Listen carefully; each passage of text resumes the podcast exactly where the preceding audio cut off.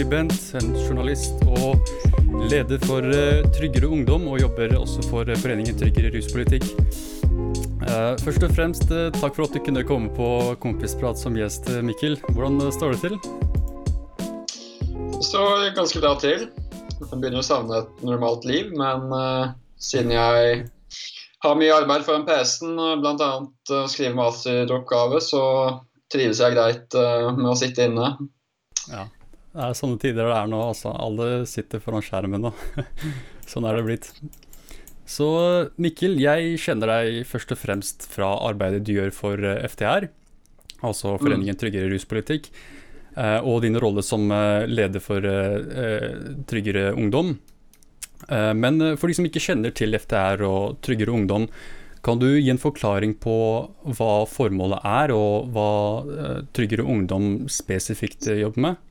Ja, vi ønsker da å endre dagens ruspolitikk i retning av mer skadeforebygging og forebygging som faktisk fungerer, da, hvor man tilbyr folk hjelp og ikke straff. Og Det er jo da det den kommende rusreformen handler om, som vi skal snakke litt om snart. Uh, Foreningen Tryggere ruspolitikk ble opprettet uh, vel i 2015, tror jeg. Og Tryggere ungdom ble opprettet i 2018. Og vi er da et alternativ til de ungdomsforeningene som finnes på rusfeltet. Som er da Juvente og Ungdom mot narkotika. Som er mer orientert mot dagens eh, politikk med et strengt forbud og et forsøk på å skremme ungdom fra å bruke narkotika ved å ha en nulltoleranse-tilnærming.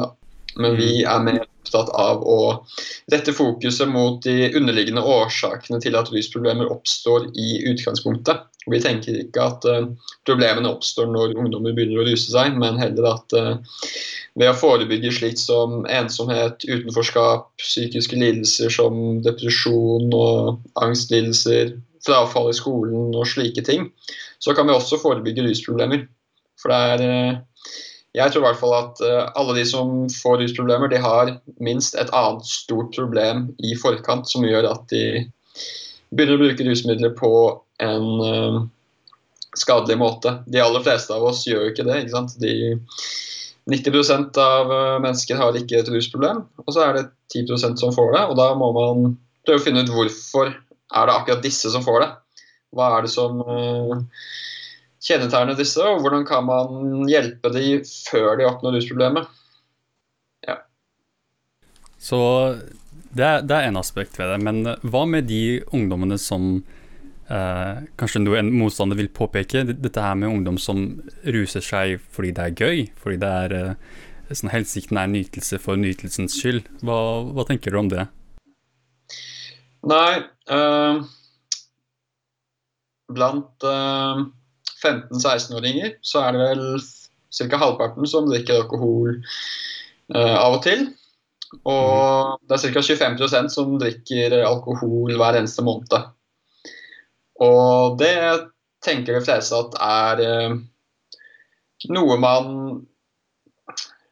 kan akseptere til en viss grad. De fleste foreldre ville kanskje tenkt at nei, det er ikke bra at ungdom drikker, men vi trenger jo ikke å straffe dem unødvendig mye hvis de først gjør det.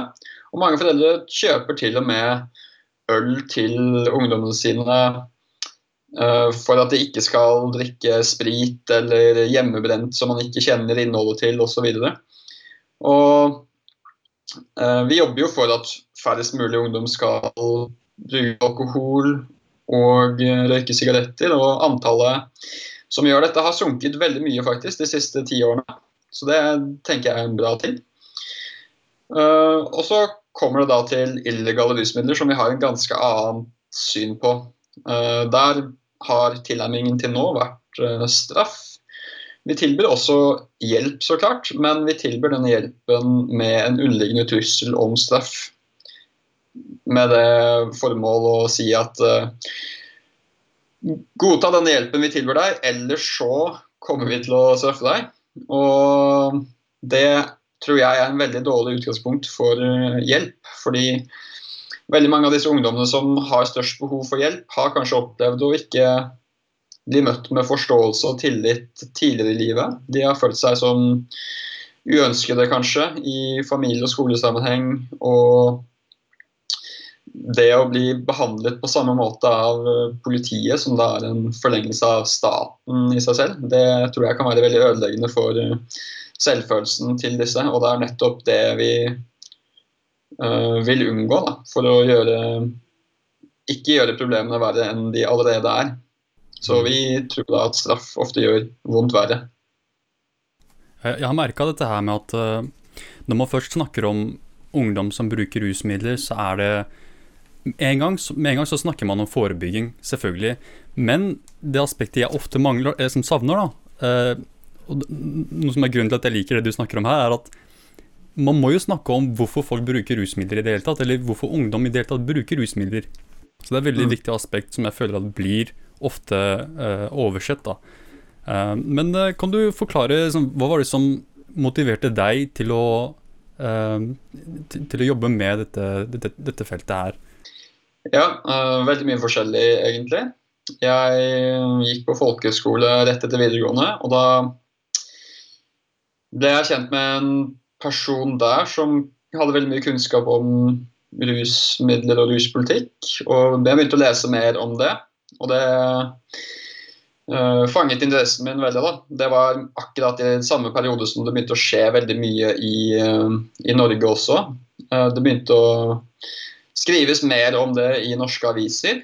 Og jeg leste, leste alt som jeg kom over. Og kom til den konklusjonen at på akkurat dette feltet her, da, så var eh, politikken nærmest motsatt av det som jeg tenkte var rasjonelt og ikke minst humant.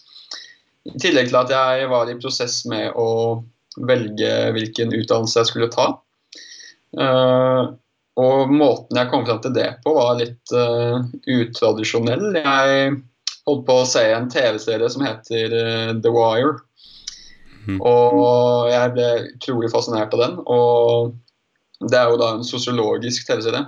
Og jeg um, googlet sosiologi, da, for jeg visste Jeg hadde sånn halvveis peiling på hva det kunne være. Noe med samfunnet. ikke sant? Men så leste jeg mer om det, og så fant jeg ut at ja, dette her er egentlig noe jeg kunne tenkt meg å studere. Og i The Wire da, så er rusøkonomien og dopsalg rusavhengighet er en veldig stor eh, del av serien. Og du ser på en måte I hvert fall i de første sesongene så ser du hvordan en by fungerer og ulike ledd som samhandler med hverandre i den byen. Gjennom øynene til uh, dopselgere og til politiet. Da. Og hvordan liksom denne dynamikken foregår. Og også i sosiologien så er rus og avvik, da, sosialt avvik er et veldig stort tema, så jeg har lest mye om det på studiet også. Og så fant jeg ut at etter hvert at jeg kunne bruke noe av den tiden jeg hadde overskudd til utenom studiet, til å engasjere meg politisk. Hmm. Tilbake til dette her med uh, tryggere ungdom og det, det, systemet dere vil få innført her i Norge. da. Så i forhold til dette her med legalisering, avkriminalisering eller regulering. Kan du først forklare, for de som ikke forstår forskjellen på disse begrepene, sånn, hva, hva, du selv legger i disse begrepene, hvordan du velger å forstå de, og, um, og kanskje forklare også hvilken type modell det er uh, Tryggere Ungdom da, ønsker å se i Norge? Mm. Uh, avkriminalisering er jo da at en handling ikke lenger er kriminell, og det er jo det som Rusreformutvalget har foreslått eh, på oppdrag av regjeringen. Og nå skal jo regjeringen selv legge fram en stortingsmelding med forslag til en konkret modell nå i slutten av februar. Så det blir spennende. Og det som det innebærer, da, er jo at uh, hvis du eller jeg eller noen av lytterne eller hvem som helst skulle være så uheldig å bli oppdaget med et illegalt rusmiddel på oss, så Uh, Istedenfor at uh, den saken tas inn i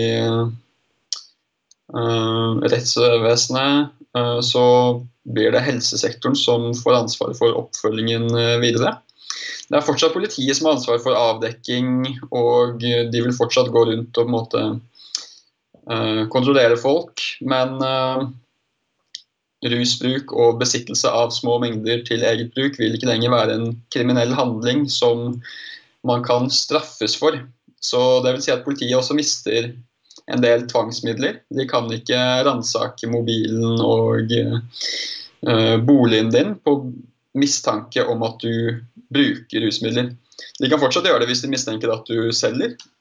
Eller de kan også gjøre det for å etterforske en selger, f.eks. en selger som du har kjøpt fra hvis de ønsker å sikre bevis i en slik sak. Så det som da vil skje i Rusreformutvalgets modell, er at uh, politiet henviser deg til en rådgivende enhet uh, som da vil uh, gi et slags forebyggende tilbud, da. en samtale til deg hvor de informerer om forbudet og konsekvensene av bruk av narkotika. Og hvis du samtykker det, så blir det en del to, eh, hvor de da kan tilby deg ulik oppfølging og hjelp. Enten det er helsehjelp eller hjelp til å finne bolig eller arbeid gjennom Nav osv. Men de fleste vil jo kanskje ikke ha behov for det, da. Men ja. de som har store rusproblemer, vil absolutt ha behov for det.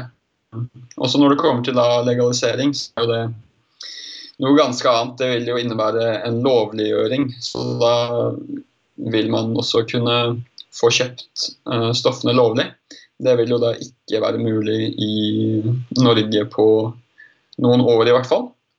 Og regulering da er jo et uh, begrep som vi kanskje liker å bruke litt mer, fordi legalisering har ofte et visst stigma knyttet til seg. Regulering har, Da gir man inntrykk av at man uh, vil ha en ansvarlig modell hvor man skal ha strenge aldersgrenser og åpningstider og ja, slikt som man har for Vinmonopolet f.eks. Men det vil jo fortsatt være en legalisering. Uh, og vi i Trygg Ungdom vi er veldig opptatt av denne rusreformen akkurat nå. Så det er det vi bruker egentlig all energien vår på. Uh, vi skriver uh, avisinnlegg, vi har hatt en stor kampanje som vi kanskje kan snakke mer om etter hvert. Og uh, vi er veldig positive til den modellen som Rusreformutvalget har foreslått. Men det er ikke usannsynlig at uh, vi ender opp med en litt mer konservativ modell, men det vil fortsatt være bedre enn ingenting.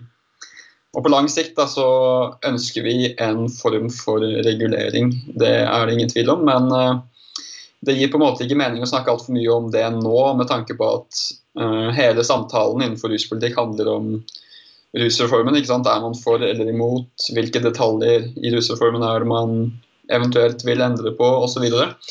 Men når den er i boks, så kommer vi til å snakke mer om regulering og konkrete forslag til ulike modeller um, som er mulige. da. Hmm. Så apropos dette her med detaljer innenfor eh, rusreformen. Jeg vil ikke gå altfor langt inn på det, men uh, jeg så nylig at uh, Arbeiderpartiet bl.a. de har kommet ut og uttrykt støtte for utvalgets forslag, men de vil samtidig åpne for muligheten til å straffe folk som ikke har et behov for, uh, for, behandling. da, Folk som kanskje bruker det som jeg nevnte i sted, for uh, la oss si, rekreasjonelle årsaker. De de, gjør, det for å oppnå nytelse, og ikke nødvendigvis uh, for å flykte fra smerte og alt det der. Um, så de vil fortsatt på en måte tillate for bl.a. bøter. Så Hva, hva syns du om det? Det, det, det at visse det finnes visse aktører der ute, bl.a. som Ap, som eh, mener at eh, ja, de støtter rusreformen, men de vil fortsatt åpne for muligheten til å straffe en viss andel av brukere. Ja, akkurat hva Arbeiderpartiet ender opp med å mene, er fortsatt litt uklart. De skal jo ha landsmøte i vår. Og eh, det som i hvert fall er klart, er at det er veldig delte meninger innad i Arbeiderpartiet. Da. Det er mange som er for uh, rusreformen slik den er foreslått. Uh, og så er det mange som er veldig bekymret for uh, ja, f.eks. det at forebygging kan bli vanskeligere hvis ikke man har straffen å true med. Da. Det tror jo jeg ikke stemmer. Det er ingen forskning som tyder på at det henger sammen slik. Og jeg syns jo at det er umoralsk å skulle straffe folk for uh, bruk av illegale rusmidler, helt uavhengig av om de har et rusproblem eller ikke. det er på en måte irrelevant. Det, det skal være likhet for loven. Og straff gjør også skade på de som ikke har et rusproblem. Alle som har et rusproblem, har på et tidspunkt begynt å bruke rusmidler. Uh, og så gikk det etter hvert lenger og lenger, da, og så fikk de et rusproblem til slutt. Men det var jo et tidspunkt hvor de ikke hadde det. Og det å bli straffet for dem på det tidspunktet, det tror jeg ville økt sjansen for at de ender opp med rusproblemer ved å påføre dem et stigma, fortelle dem at de er annerledes, de er kriminelle, et uønsket element i samfunnet. ikke sant? Mm. Sånne ting som de kanskje har opplevd å bli utsatt for tidligere, uh, uavhengig av rusbruk. Og det fratar dem også muligheten til å ta visse utdannelser og uh, yrker også. Og ikke minst å komme inn i Forsvaret, da, som vil være mange mm. ungdommers eh, ønske etter videregående. ikke sant? Og en fin mulighet for dem til å oppnå litt struktur i hverdagen og lære å bli et fungerende voksent menneske. Det tror jeg Forsvaret kan bidra med for veldig mange. da, I hvert fall de som står i fare for å bli rusproblemer, som kanskje har fare for å få rusproblemer, mente jeg å si. De som kanskje har store problemer med å takle overgangen til voksenlivet. Da. De kunne hatt godt av å komme inn i Forsvaret, men hvis de da har blitt straffet for litt cannabisbruk, så mister de den muligheten, og det er veldig synd. Så jeg, jeg er veldig negativ til å ha noen slags form for bøter. Men bøter er jo da eh, en form for straff. Det er snakk om å innføre et slags gebyr, bl.a. Aktis, som er en konservativ forening på rusfeltet, de har foreslått å ha et gebyr for eh, ikke-avhengige brukere. Og så har Rusreformutvalget utredet en mulighet for å ha et gebyr for manglende oppmøte til uh, møte med den rådgivende enheten. Og det, det kan man på en side tenke seg at det er rimelig, med tanke på at hvis du booker en time med legen din, og så møter du ikke opp, så får du et gebyr fordi at da har du brukt eh, verdifull tid av en fagperson sin hverdag, og det ønsker man jo å unngå. Så eh, på den måten så kan man tenke seg at det ikke er så altfor uh, ulogisk. Men jeg tror det er uh, lurt å unngå det, nettopp fordi at de personene som ikke møter opp, kommer ofte til å være de personene som har størst problemer. Kanskje de har veldig sosial angst og nettopp derfor bruker rusmidler. Uh, og ofte vil de også ha økonomiske vansker. ikke sant? Og, å påføre slike personer en økt økonomisk byrde bare fordi at de ikke klarer å møte opp, det tror jeg kan gjøre vondt verre. Men uh, hvis det er det som er til for at rusreformen skal bli vedtatt, så må det være OK. Ja, det er, det er jo eh, det er en bra start. Sånn selv om det blir en del kompromisser, så tenker jeg uh, en reform som kanskje er et resultat av en kompromiss, er bedre enn ingenting i det hele tatt. Um, mm. Men uh, kan du forklare litt om denne kampanjen du snakket om som uh, Tryggere Ungdom driver med? Jeg har lagt merke til at dere legger ut ofte bilder og informasjon om eksempler da, av folk som har bl.a. Uh, blitt tatt for rus. da. Så kan du bare forklare litt om, om den, liksom den, aktuelle kampanjen for tryggere ungdom? Ja, det var en kampanje som Foreningen Tryggere ruspolitikk spurte om vi ville samarbeide på, og det ville vi veldig gjerne. og så fikk vi med oss åtte andre organisasjoner på rusfeltet til å sponse den og signere den. Men det er ja, det er FDR og vi som har jobbet med budskapet. Da. Og kampanjen heter 'Straff skader'. Så lyttere kan finne mer informasjon om den på straffskader.no. Og Den består da av syv historier eh, fra mennesker som har eh, vært utsatt for eh, straff og tatt skade av det. Bl.a. en person som eh, ble utsatt for en voldtekt og eh, ikke turte å kontakte politiet i frykt for straff. Det er nettopp eh, basert på en sann historie om at politiet ga forelegg til en person som eh, hadde anmeldt en voldtekt, og så fant de ut at hun hadde brukt cannabis. Men etter stort press fra, eller stor oppmerksomhet fra media, så droppet politiet den saken. Men hvem vet hvor mange saker som det som ikke har blitt skrevet om i media. Og det gjelder for så vidt alle de andre historiene, er også basert på sanne historier. Uh, Så jeg anbefaler alle til å gå inn og se på den kampanjen. Og kampanjen var da på plakater på busser og busstopp uh, i syv byer i Norge, og den fikk veldig mye oppmerksomhet. Uh, Vi i Trygde Ungdom la ut uh, alle bildene i et sånt slideshow på Instagram-profilen vår. Og Før det så hadde vi ikke hatt så mye aktivitet på Instagram. Vi hadde ganske få følgere. Vi hadde 160 følgere bare. Nå har vi vel 1480 eller noe sånt nå. Uh, og det startshowet av alle de bildene fikk 8500 likes. Uh, og det viser jo at uh, det er veldig stort engasjement rundt disse historiene, og mange som ser da, at, hvor galt straff kan være for brukere av illegale rusmidler. Så kan du gi et eksempel som annet enn eh, den, eh, den saken med hun som ble voldtatt og fryktet å gå til politiet.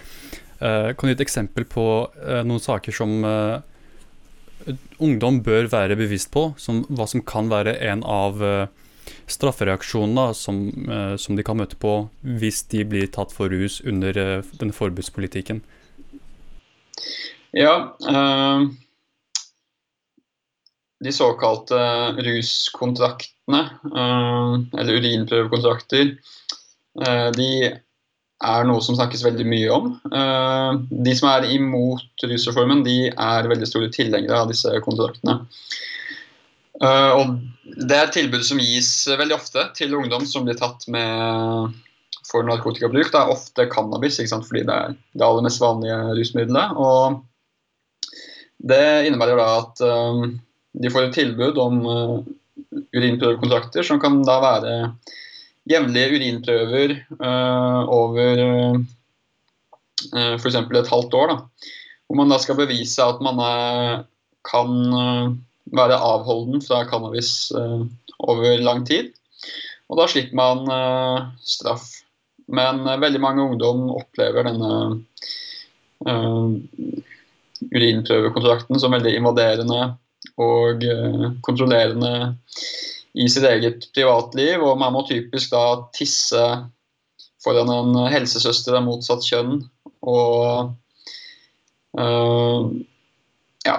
Det er etter vårt syn helt unødvendig å tvinge ungdom til å gjøre dette. De kan fint gjøre det etter rusreformen også hvis de ønsker det.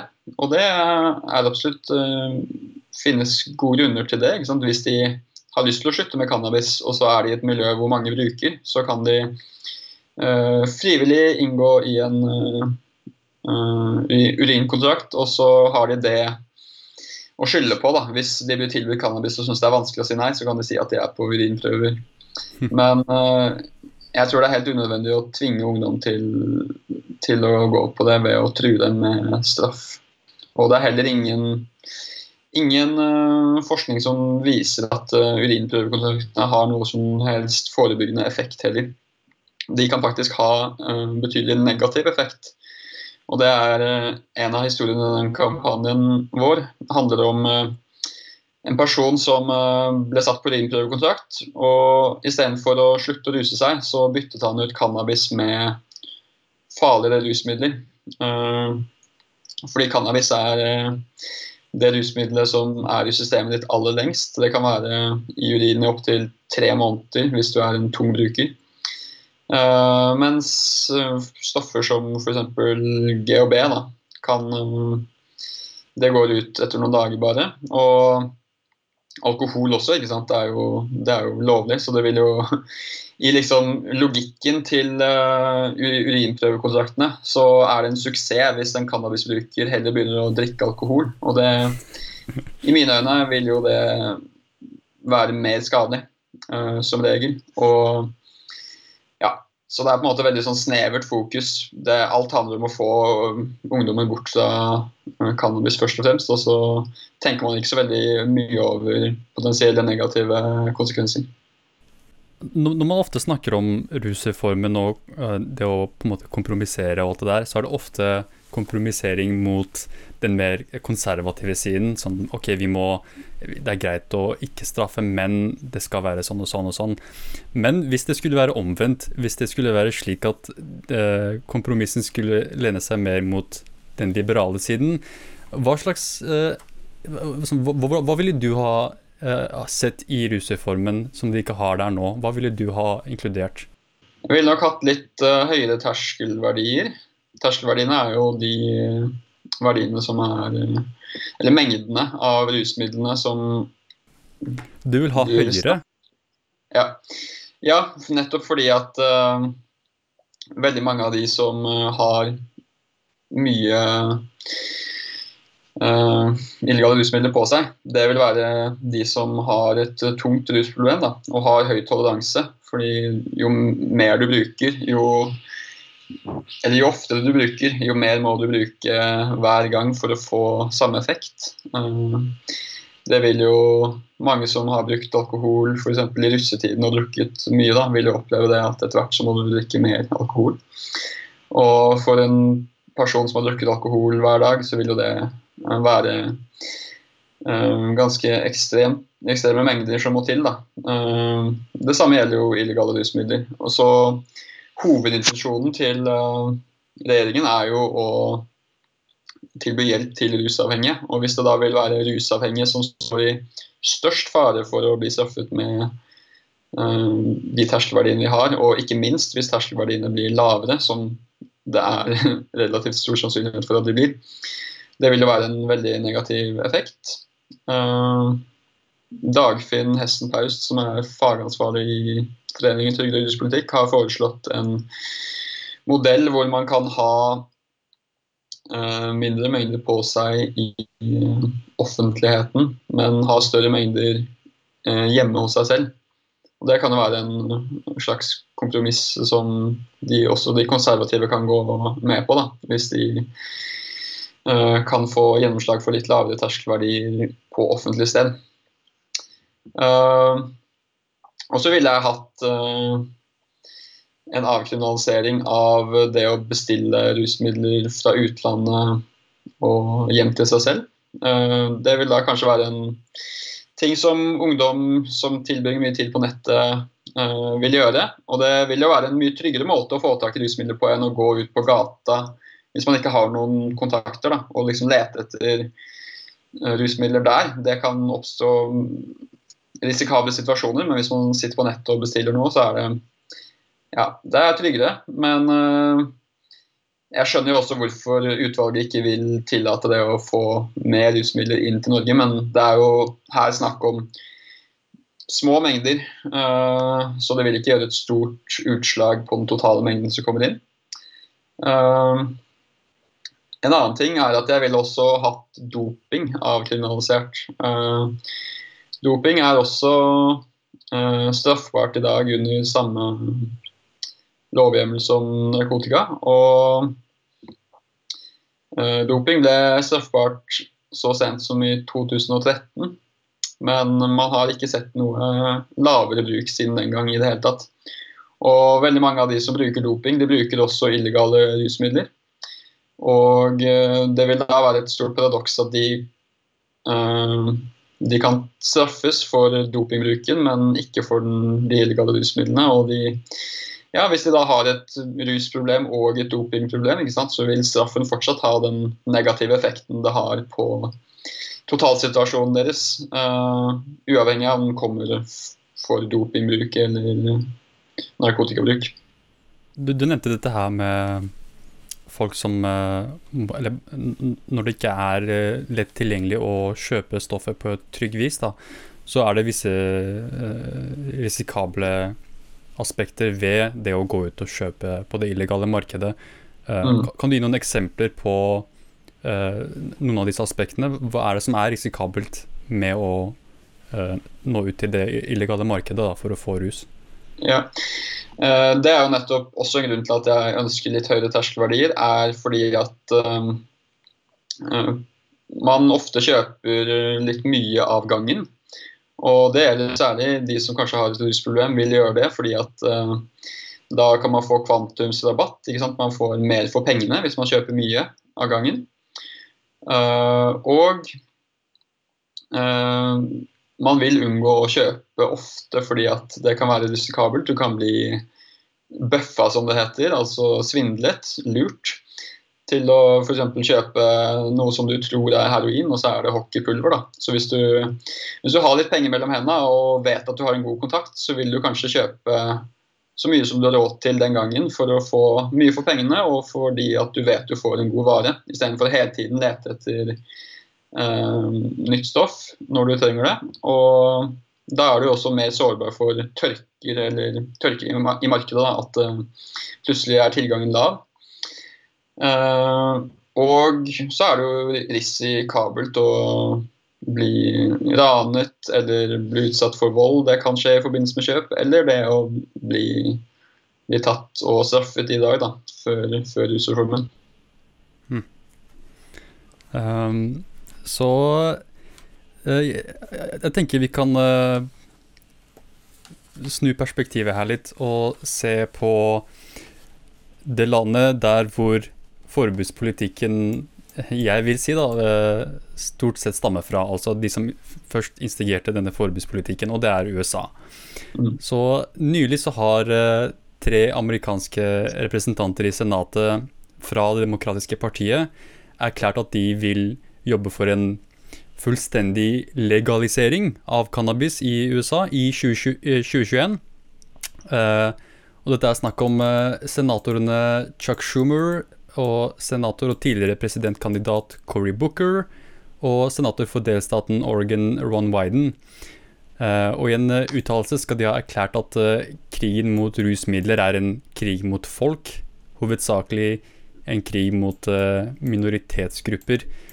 Så har, har, du noen kommentarer om dette, her, dette konseptet med at altså denne forbudspolitikken da går hardt utover minoritetsbefolkningen? Mm. Ja, det er ingen tvil om det. Uh, svarte amerikanere har vel fire ganger større sjanse for å bli straffet for cannabisbruk enn hvite, til tross for at de bruker like mye. Og USA har jo den største andelen av befolkningen sin i fengsel i hele verden. ikke sant? Og det, mm -hmm. det er jo ganske vilt med tanke på at det er et uh, så rikt land. da.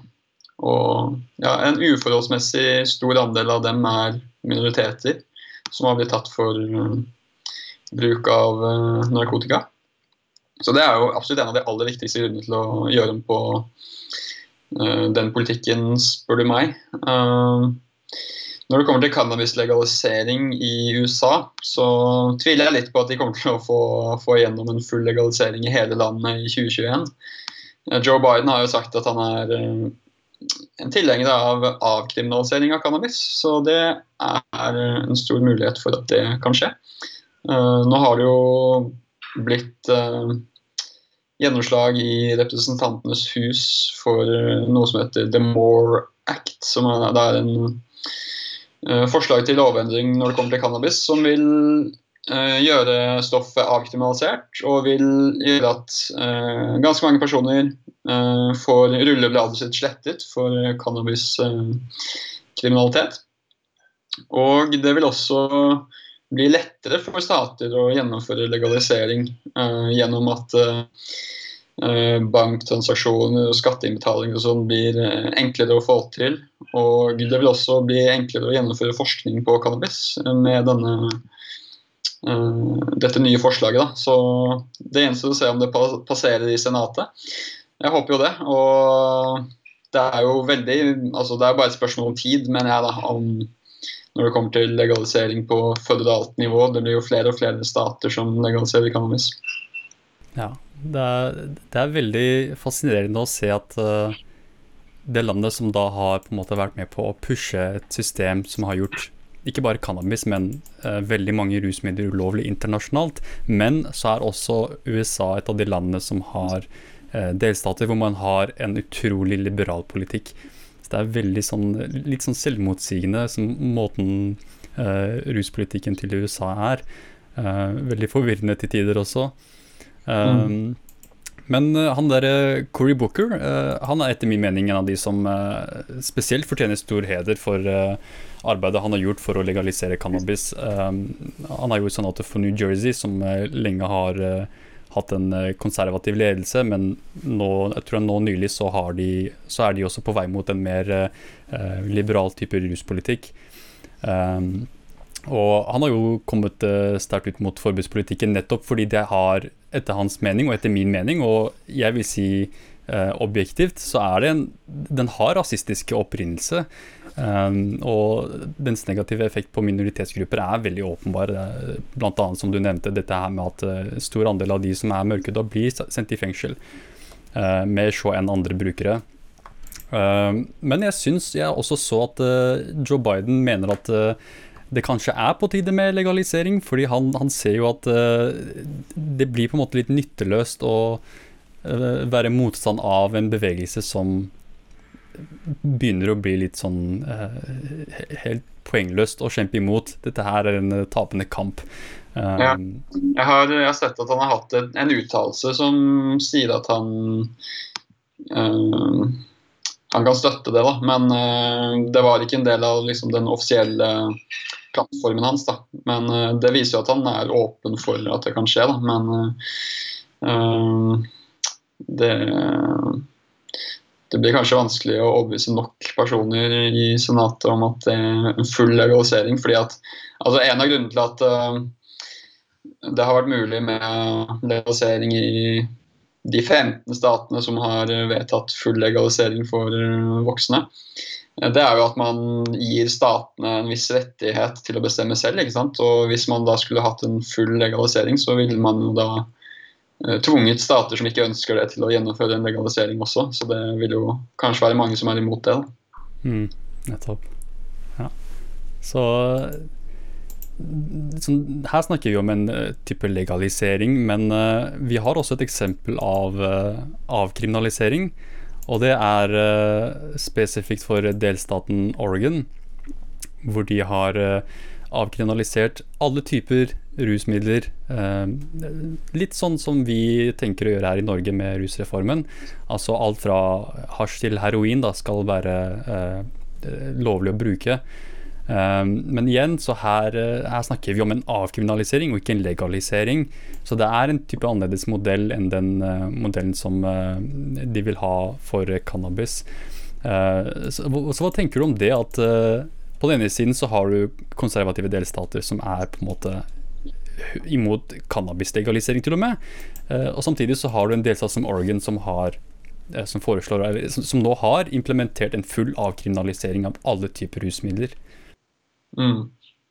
Ja, det er jo nettopp detaljene her kan jo være litt forvirrende. ikke sant? Det er eh, Akkurat som i Norge så vil ikke bruk bli lovlig, bare ikke straffbart. Um, og det gjelder jo da, som du sier, alle rusmidler. ikke sant? Og uh, Ofte så er jo overskriftene i media ganske sensasjonspreget, ikke sant? hvor de skriver at heroin ikke lenger vil bli straffbart å bruke. Uh, men sannheten er jo det at heroin er jo et av få stoffer som faktisk har uh, blitt på en måte legalisert da, for brukere som allerede har en avhengighet i en rekke europeiske land. Og nå har jo Norge også et prøveprosjekt med det, med heroinassistert behandling. Så, men når det kommer til USA, så ja, USA er jo et uh, vanvittig uh, stort land med masse ulike kulturer, rett og slett,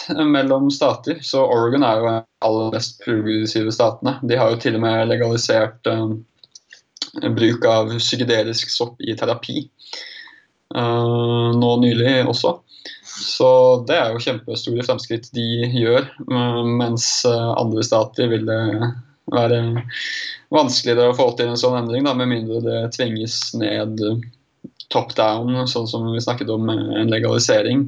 Sånn som ja, denne More-acten som jeg nevnte, da, vil jo tvinge stater til å ikke lenger kunne straffe folk for bruk. Og det vil jo være en veldig positiv ting, med tanke på at jeg mener det kan være grunnlovsstridig rett og slett, å straffe folk for bruk av cannabis. ikke sant? Du har jo en grunnlovsfestet rett til the pursuit of happiness. uh, så uh, Men å tvinge folk, tvinge stater til å måtte tillate og uh, salg også av cannabis, det, det, blir spennende å se om det, om det noen gang skjer i det hele tatt. Jeg håper jo egentlig nesten det. Uh, men eh, ja, USA er så forskjellig som omtrent like forskjellig som Europa. ikke sant? Så I Europa har du også et land som Nederland som tillater salg av cannabis. Og så har du eh, land som eh, Norge inntil nylig som har vært ganske konservative, da, men nå begynner jo vi å bli, komme langt opp på listen over de mest progressive landene hvis vi vedtar rusreformen, i hvert fall hvis den vedtas sånn som Rusreformutvalget har foreslått. Da. Hmm. Så eh, tilbake til uh, rusreformen. Sånn, uh, hvis du skulle vurdere disse forslagene de har kommet med, um, og, og, sette det opp mot uh, den foretrukne modellen Fordi mange sier jo at denne rusreformen er jo altfor liberal, eller etter min mening så er den ikke liberal nok. men så, hva tenker du, hvor, hvor, er det den egentlig ligger, med tanke på progressiv versus uh, uh, rasjonell politikk versus konservativ politikk? Mm, sånn i uh, internasjonal sammenheng så er det jo en veldig god modell som er veldig liberal, uten tvil.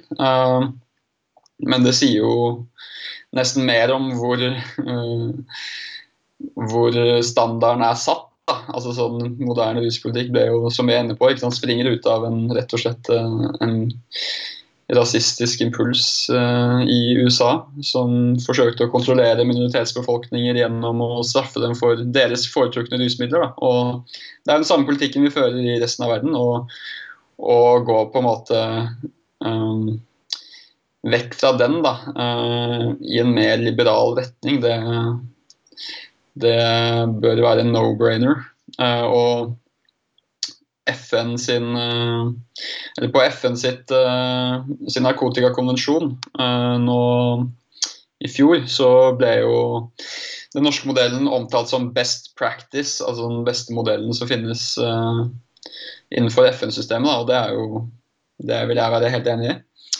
Så den er jo mer Noen kan kalle den mer liberal enn Portugal sin modell. Eh, for Portugal kan fortsatt eh, gjennomføre en viss form for straff, bøter. Eh, men det er veldig, veldig sjeldent at det skjer. Og det er, vil være mye høyere beviskrav for å gi en bot også. Da må, du, da, må du, bevise utover enhver rimelig tvil at uh, bruk har forekommet, ikke sant? opp mot over 90% sannsynlighet. Mens uh, når uh, bruk av narkotika er helt avkriminalisert uten noen form for straff, sånn som i rusreformutvalgets modell, så vil det kun være sannsynlighetsovervekt som gjelder. Så da må politiet bare være over 50% sikre på at eh, du har brukt for å gi deg en form for reaksjon. Da. Og den reaksjonen vil jo være pålegg om oppmøte med den rådgivende enheten. Og det vil jo innebære at det er langt flere personer som kan bli tillagt en reaksjon i Norge enn i Portugal. Så på den måten så kan du si at den ikke nødvendigvis er så liberal som mange gir uttrykk for. Så kan du Eh, gi litt innblikk i hva, hva um, fokuset til Tryggere ungdom vil være fremover? Ja, um, nå er det jo sted oppmerksomhet som rusreformen uh, først og fremst nå, men uh, vi har et prosjekt på gang som uh, Vi har liksom flere ulike ideer til forebyggingsprosjekter som som bør gjennomføres. Da, fordi at i, uh, i debatten om rusreformen så er det jo forebygging av rusbruk blant unge som er uh, ja, etter min mening kanskje viktigste, det viktigste spørsmålet som det er uenighet om. Da, Fordi De konservative mener at vi trenger straff som et virkemiddel. Mens vi mener at straff gjør vondt verre, og vi må heller bruke forebygging som faktisk fungerer. Og FN og Verdens helseorganisasjon har jo en oversikt over ulike forebyggingstiltak som har vist effekt i forskning. Og et slikt prosjekt som vi håper å starte opp, er et mentorprogram hvor ungdom som er i risikosonen for å utvikle rusavhengighet, eh, kan få tildelt en mentor som er litt eldre, eh, som kan fungere som en rollemodell da, eh, og hjelpe dem med å reflektere rundt egen situasjon med hensyn til tilknytning til skolen, bruk av rusmidler, fritidsaktiviteter og eventuelle problemer i familien og slik. Det det er et program som har vist effekt på, for, ikke bare på rusbruk, men også på annen type kriminalitet. Og vi håper å få støtte til å gjennomføre et slikt prosjekt i fremtiden. Så det vil være et fokusområde. Eh, og ja, rette oppmerksomhet eh, mot andre typer forebyggingstiltak som har, eh, faktisk har vist effekt. Da, fordi straff er jo ikke blant dem. Det, det finnes ikke evidens for at straff har forebyggende effekt. Så, så, hvordan eh, kan folk som vil støtte Tryggere Ungdom, hvordan kan de støtte dere? Eh, det viktigste de kan gjøre, er eh, egentlig å melde seg inn hvis de er mellom 15 til 30 år. Det koster kun 50 kroner i året, og da vil du få oppdateringer på vårt arbeid på mail. De vil kunne komme gratis inn på arrangementer vi arrangerer, når det blir mulig. Mm. Og ja, eh, få andre medlemsfordeler som vi jobber med å etablere. Men uh, det finnes også andre måter. Følge oss i sosiale medier, dele artikler vi har på nettsiden vår, eller bli, rett og slett bli frivillig. Da, det, ja, da, kan man hjelpe til med det arbeidet som jeg har snakket om nå. og egentlig gjøre litt hva man vil av ting som er relevant for uh, ruspolitikk og også psykisk helse og utenforskap og slike temaer som henger sammen med ruspolitikk. Da. Man kan skrive ting, man kan lage en podkast hvis man vil det. Man kan møte politikere, man kan ha sosiale samlinger osv. Det er på en måte bare fantasien som setter grenser. Men uh, en veldig lav terskel bør være å bli medlem, syns jeg. Det er, det er en liten sum. og så gjør man at vi kan søke støtte til drift fra Helsedirektoratet, hvor da vi får mer, sannsynligvis mer betalt av dem per medlem enn det medlemmet selv må betale. Så hvis de betaler 50 kroner til oss, så får vi også doblet, om ikke mer, den summen i driftsstøtte. Da. Så det vil, det vil, være en stor hjelp. Ja, det er, jo, det er jo dere versus alle de andre organisasjonene som oftest har, som du sa i stad, dette her eh, forbudsblikket da, på rusbruk og, og de som fokuserer på eh, avhold. Uh, mm. Men uh, før vi avslutter her, har du noen uh, sånn generelle tips, sånn kjappe, kjappe tips til ungdom når det kommer til trygg rusbruk? ja, det beste tipset er Lær deg mye om rusmidler før du velger å bruke dem.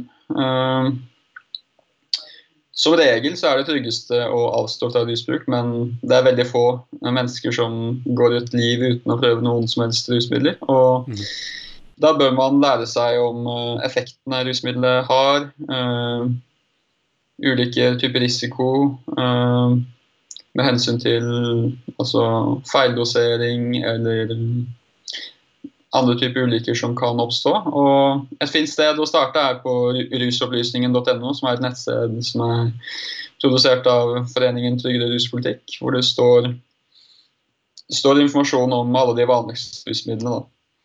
Mm. Og et annet tips er at hvis du kjøper et illegalt rusmiddel, øh, og tester stoffet. Fordi øh, når du kjøper noe på Vinmonopolet, så vet jo kan du være tilnærmet 100% sikker på at det faktisk er alkohol av typen etanol som er i den flasken. Men uh, når du kjøper uh, illegale rusmidler, så har du ingen slik garanti. da, og sånn Hurtigtester som man kan få i Norge i dag. Man kan kjøpe dem på ulike nettbutikker. Eh, det er den beste indikasjonen, selv om de langt fra er helt sikre. Og vi i Foreningen til ruspolitikk så håper vi å opprette uh, et tilbud for uh, rusmiddelanalyse av høyere kvalitet enn det. Vi har jo skrevet en rapport om dette som ligger på nettsiden vår. Men det er fortsatt i dag så er det ting man kan gjøre for å teste rusmidler for å bli litt mer sikker på at man har fått det man faktisk vil ha. Yes. Vel, eh, med det så tenker jeg vi kan eh, avslutte. Så eh, Mikkel, takk for at du ble med på denne episoden av Kompisprat. Jo, takk for invitasjonen. Absolutt. Så til lytteren, takk for at du hørte på. Dette var Hivar og Mikkel. Og nå litt heftig musikk.